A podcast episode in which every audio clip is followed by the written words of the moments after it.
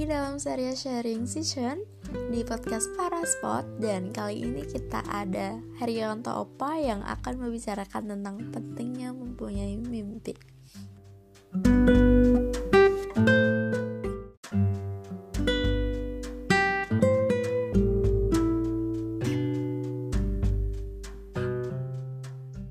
Halo, selamat malam Bapak.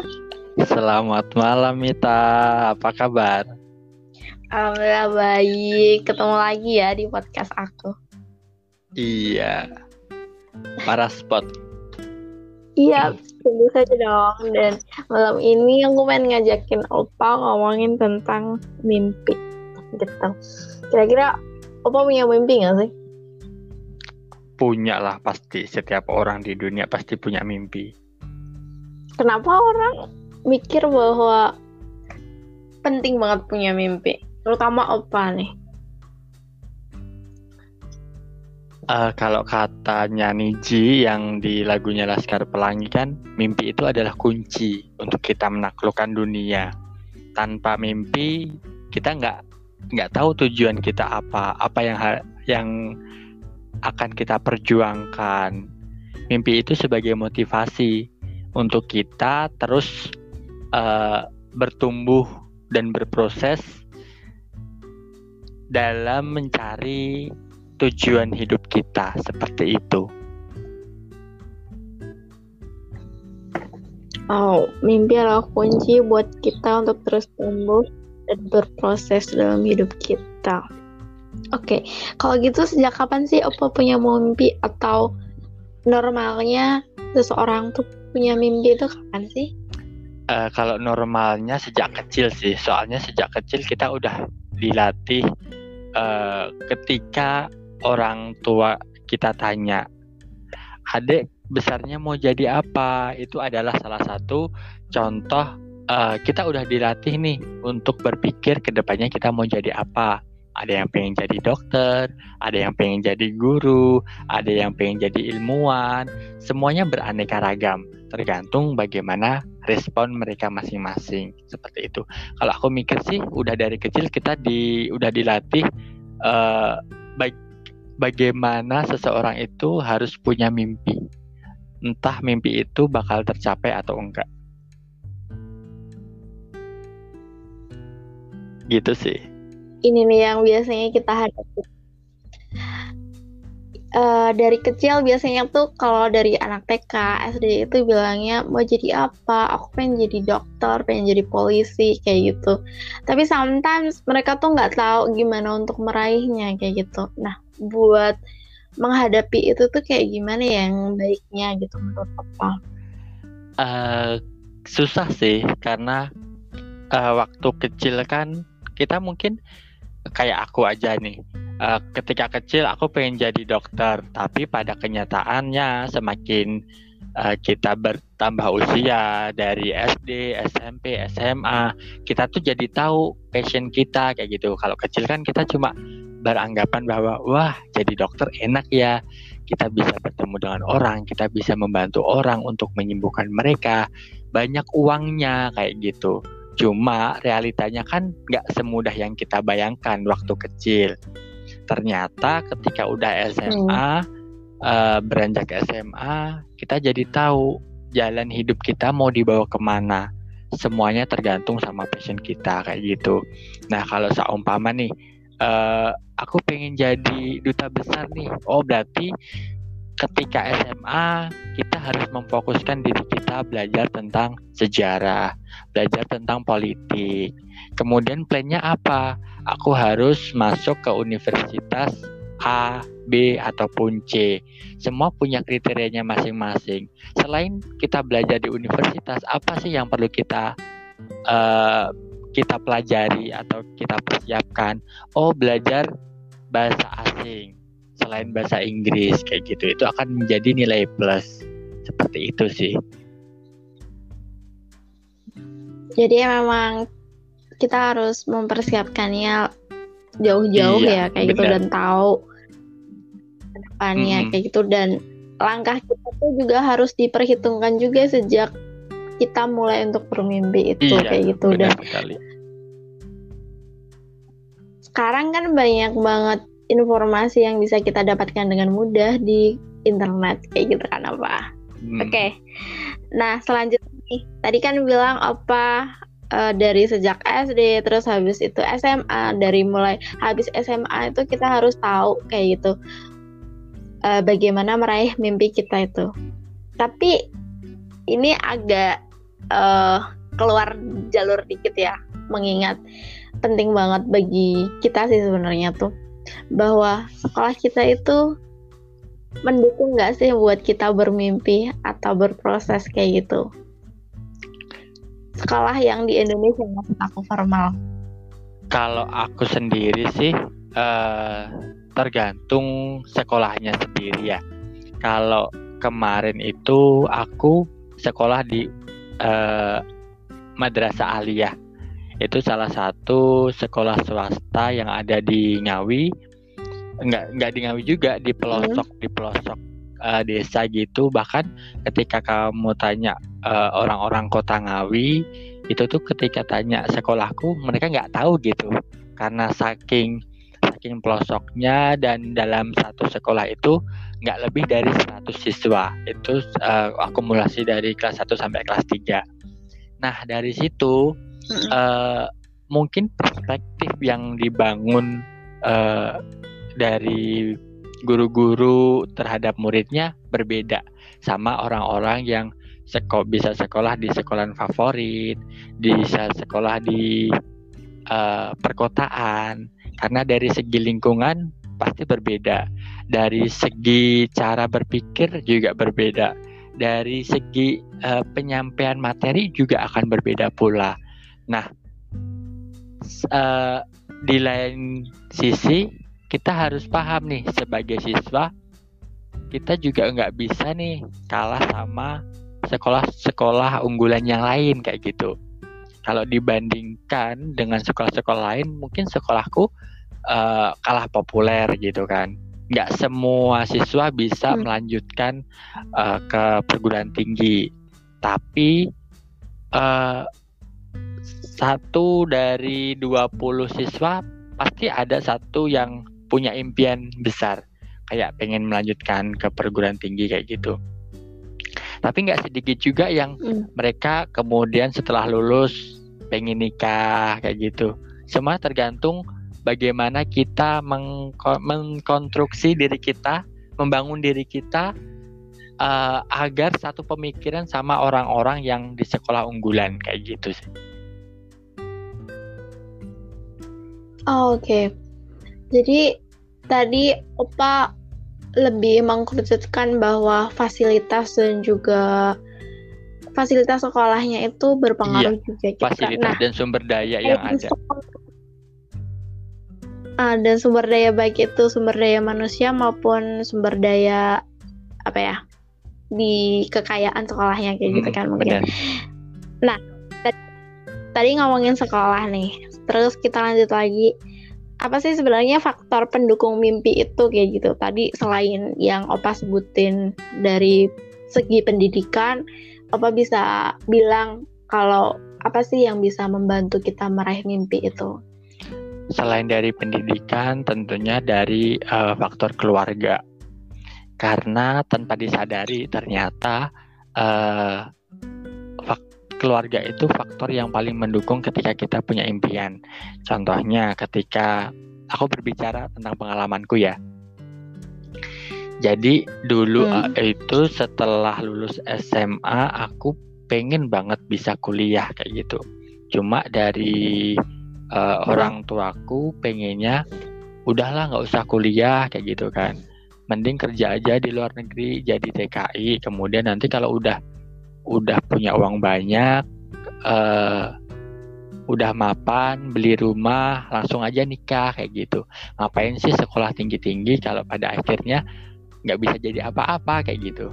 Cuma aku mikirnya pendidikan itu adalah tabungan buat aku, buat masa depan aku, buat aku uh, mendidik diri aku untuk menjadi lebih baik lagi.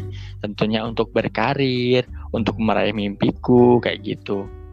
Nah, selain itu, kita juga faktor penting lain yaitu relasi relasi kita dengan orang-orang terdekat dengan orang-orang yang uh, mungkin bisa dibilang penting bagi kita. Karena tanpa relasi kita akan susah mendapatkan informasi-informasi penting kayak gitu kan.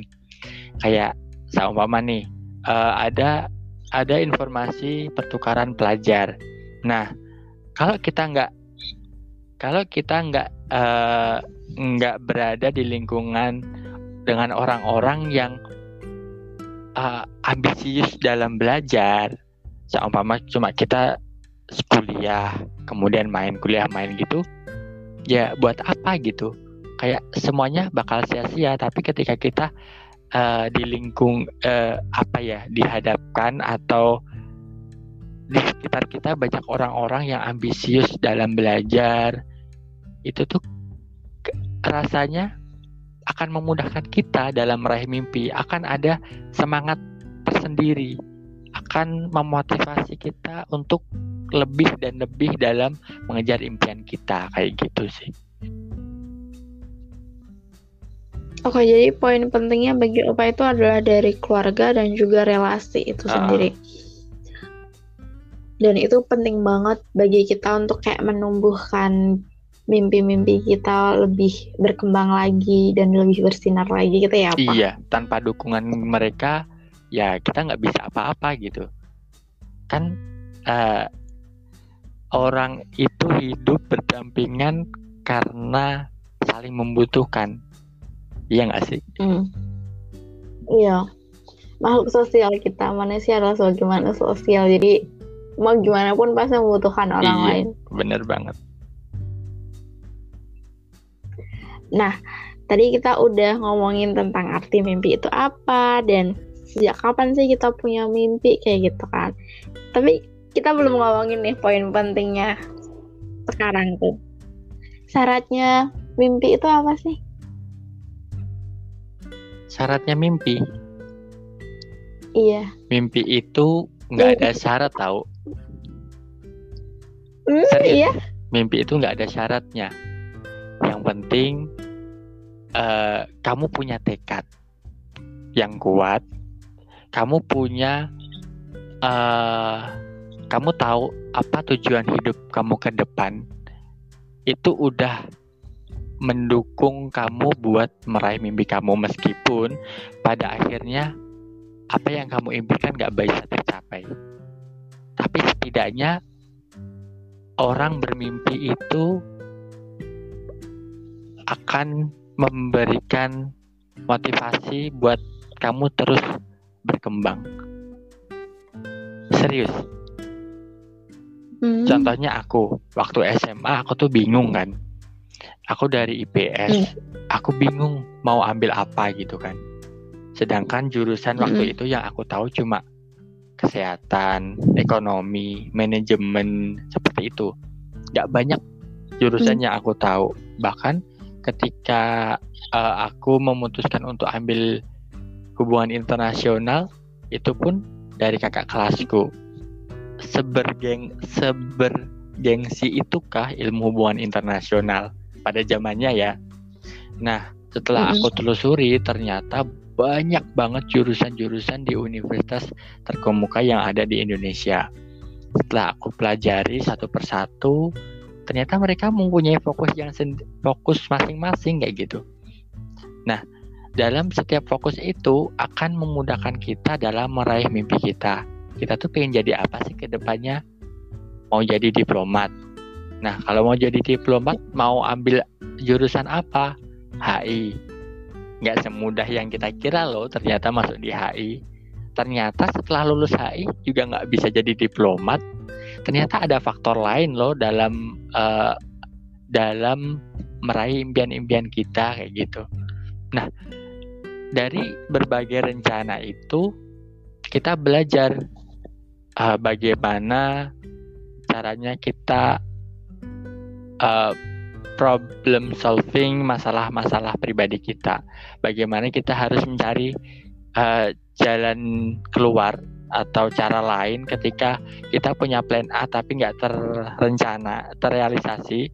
Kemudian kita harus punya plan B, C, D, E yang ke depannya akan memudahkan kita dalam meraih impian-impian kita kayak gitu. Hmm, jadi yang terpenting itu adalah tekad. Jadi dengan tekad itu kita akan belajar bagaimana proses untuk mendapatkan mimpi kita kayak gitu. Hmm, benar untuk sekali. tujuan Benar sekali. Oke nih. Ngomong-ngomong tentang anak zaman now atau anak milenial kayak gitu. Anak sekarang tuh mimpinya tuh jadi youtubers, jadi apa kayak gitu yang kita nggak terpikirkan dulu tapi banyak banget pekerjaan yang baru sekarang kayak gitu dan itu menghasilkan uang kayak gitu. Menurut Ova itu kayak gimana fenomena ini? Seiring berkembangnya zaman, seiring berkembangnya globalisasi, itu sangat bagus sih.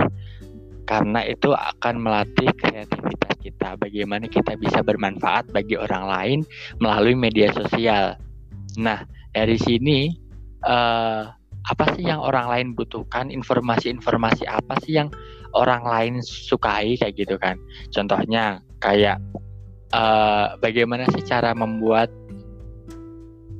uh, membuat personal statement ketika mau apply S2, bagaimana sih cara membuat masakan-masakan Korea, bagaimana sih cara uh, kita self healing ketika kita punya masalah? Kayak gitu kan toh se toh nggak semua orang bisa menikmati fasilitas yang orang inginkan.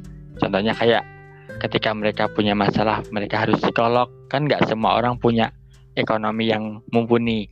Nah dari situ uh, kita belajar banyak nih dari YouTube tentang informasi-informasi yang positif untuk bagaimana cara kita berdamai dengan diri sendiri, bagaimana kita bisa mencintai diri sendiri kayak gitu. Itu seputar hal-hal yang positif. Kayak bagaimana sih ketika kita pengen olahraga nih? Kalau kita mau ke gym kita pengen ada trainernya tapi biayanya mahal. Eh ternyata di YouTube ada nih konten. Uh, trainer uh, apa ya? Trainer Zumba contohnya trainer Zumba udah ada udah ada trainernya, kita tinggal ngikutin gerakannya, gratis pula. Dan itu hal yang sangat membantu sekali gitu. Dengan kita um, menonton itu, dengan kita menikmati tontonan itu, kita juga sudah membantu mereka dalam uh, mencari atau uh, memberikan apa ya istilahnya memberikan ke perekonomian mereka untuk yang lebih baik kayak gitu sih. Dan memberi kita inspirasi juga ya, iya, ya, Pak. Bener. Hmm, oke. Okay. Tadi kita udah ngomongin tentang syaratnya seperti apa, kayak gitu. Terus habis itu mimpi anak zaman now dan juga faktor pendukungnya. Nah, sekarang kita ngomongin tentang bagaimana cara menjaga semangat mimpi itu sendiri biar terus berapi-api dalam diri kita kayak gitu. Nggak semua orang bisa uh, menstabilkan semangat mereka karena pasti dalam nah, itu. dalam perjalanan meraih mimpi akan ada permasalahan-permasalahan uh, yang harus mereka lalui kayak gitu kan. Cuma hmm. dari permasalahan-permasalahan tersebut kita belajar. Kita belajar bagaimana uh, kita menghandle permasalahan tersebut, bagaimana kita merencanakan strategi untuk memecahkan masalah tersebut, bagaimana kita uh, mempunyai tekad dalam memecahkan masalah tersebut. Nah, hal-hal yang hmm. demikian hmm. itu aku rasa uh, itu adalah salah satu hal yang bisa membuat kita uh, apa ya? lebih mendewasakan diri kali ya. Bisa dibilang begitu sih. karena Iya. dengan dengan adanya masalah kita akan dituntut untuk berpikir lebih. Tanpa ada masalah kita pun juga nggak ngerti gitu. Kita nggak nggak akan ada pengalaman yang lebih. Kita tidak punya eh rencana apa sih yang harus aku lakukan ke depan kayak gitu. Nah ketika Hmm. ada masalah ini kita juga dituntut untuk kreatif ketika kita Hmm. ketika kita dihadapkan dalam sebuah masalah ketika kita nggak bisa kreatif otomatis orang itu akan down. Orang itu akan eh, stres. Orang itu akan putus asa. Tapi semua tergantung dalam dalam dalam diri kita. Bagaimana kita memotivasi diri kita untuk terus bangkit dan eh, pastinya teman-teman terbaik kita itu adalah support system yang sangat membantu kita ketika kita menghadapi eh, kegagalan itu sendiri. Gitu sih menurutku Mit. Hmm, jadi yang penting tuh kita tetap berjuang kayak gitu dan tahulah bahwa dalam hidup ini pasti tentu ada tantangan-tantangan yang perlu kita lewati, ujian yang perlu kita hadapi kayak gitu. Tapi yang penting kita tetap kreatif. Apa pun itu kita mencoba untuk survive dalam kesulitan dengan cara berkreatifkan diri Iya, benar gitu. banget. dan juga mempunyai support system yang baik. Oke. Kalau kita sendiri nih, mimpinya apa sih? Mimpi aku dulu pernah kebayang pengen jadi diplomat sih. Terus uh, terlena, jadi nggak fokus kayak gitu. Makanya pengen apa ya? Belajar sama opa gimana biar tetap semangat kayak gitu dari sekarang apa yang bisa diperbaiki kayak gitu buat jaga semangat aku. Kenapa sih pengen jadi diplomat? Nggak tahu itu malah tiba-tiba gitu loh apa pas apa ya SMA itu tuh kan aku jurusannya IPA ya. Hmm, itu pengennya ambil yang ya IPA aja kayak gitu. Karena memang aku suka sama apa ya psikologi. Aku awalnya pengen ambil psikologi gitu kan. Tapi pas kelas 3 SMA itu mempelajari PKN kan. Terus gurunya itu menerangkan tentang ada sedikit mencuplik tentang politik terus habis itu tentang hubungan internasional. Kok aku jadi tertarik ya kayak gitu sih.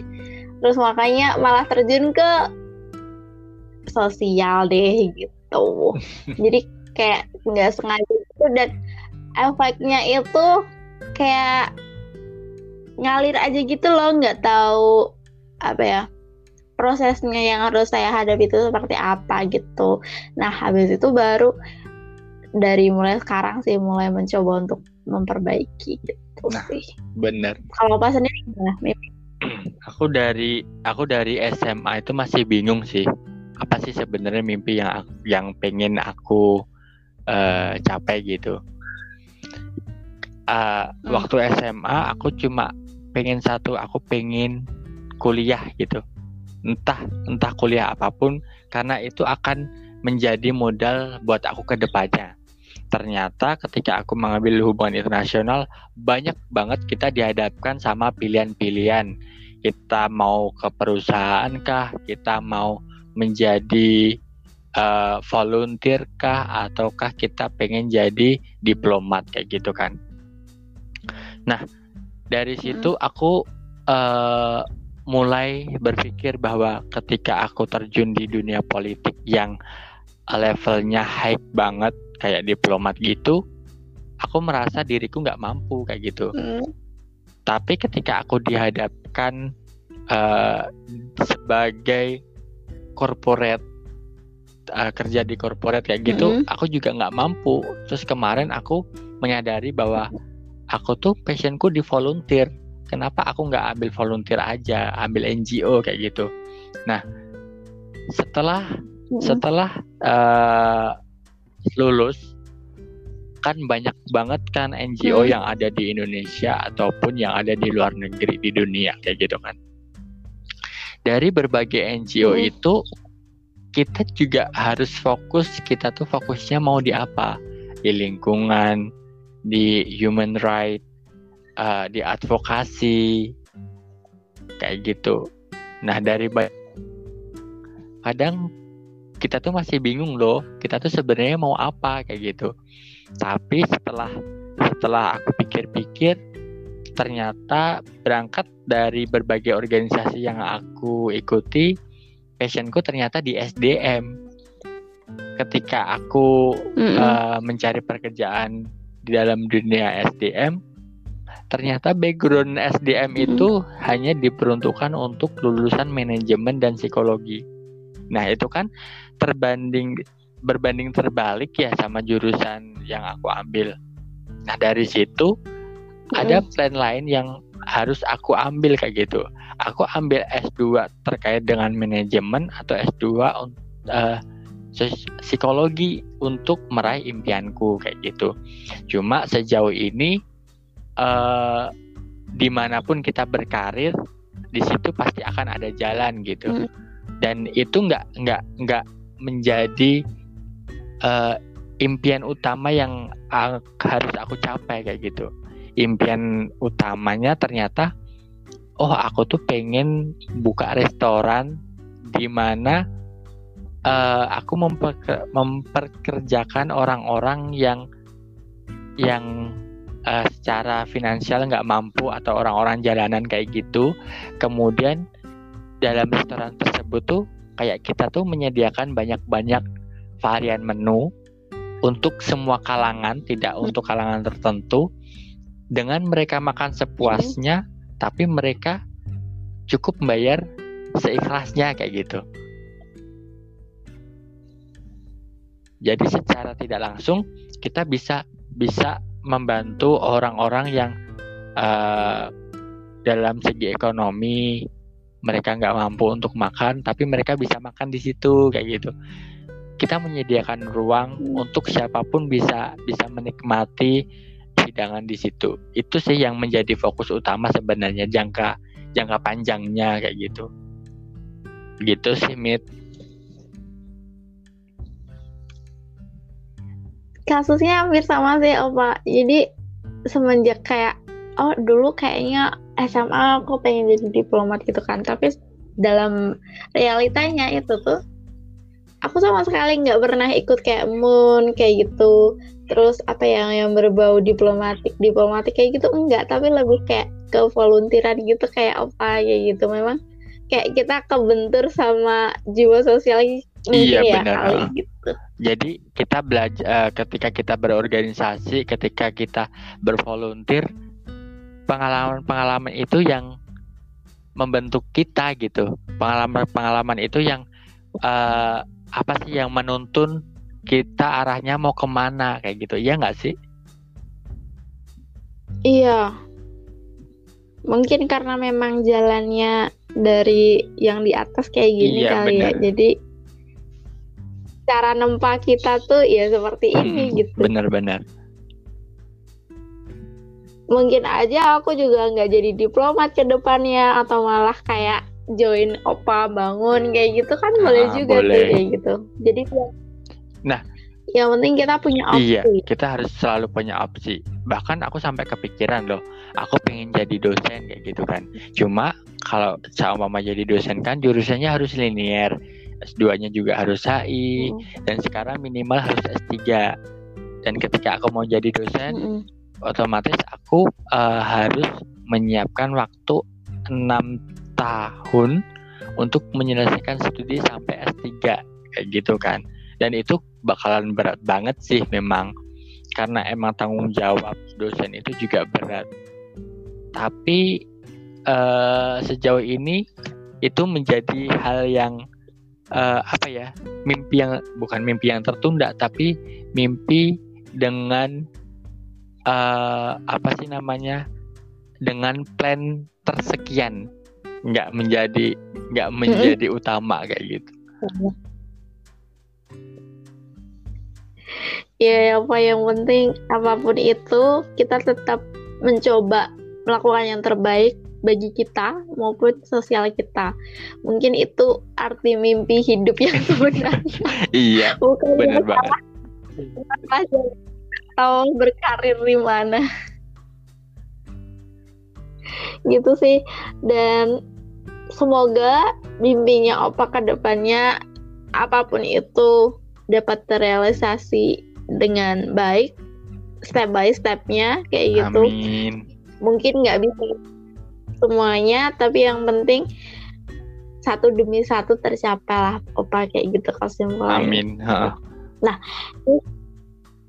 sekarang bolehlah opa ngasih pesan kesan kayak gitu buat teman-teman buat tetap bermimpi atau seperti apa harus menanggapi mimpi itu gitu. Bolehlah buat kesimpulan kita malam ini. Uh, kalau kesimpulannya menurut aku siapa pun kamu, di mana pun kamu, bagaimanapun cara kamu hidup, kamu harus punya mimpi. Hmm. Karena dengan mimpi, kamu akan tahu bahwa hidup ini luas, hidup ini butuh uh, orang-orang seperti kamu. Jangan meremehkan diri kamu bahwa kamu merasa tidak mampu, tapi banggalah menjadi diri kamu karena kamu akan menjadi bagian generasi Indonesia emas untuk membangun Indonesia mungkin lima tahun ke depan, 10 tahun ke depan, bisa jadi 20 tahun ke depan seperti itu. Tetap semangat, jangan menyerah, selalu berdoa bahwa kamu bisa. Oke, terima kasih Pak atas pesannya. Gitu. Sama-sama Mita. Semoga kita semua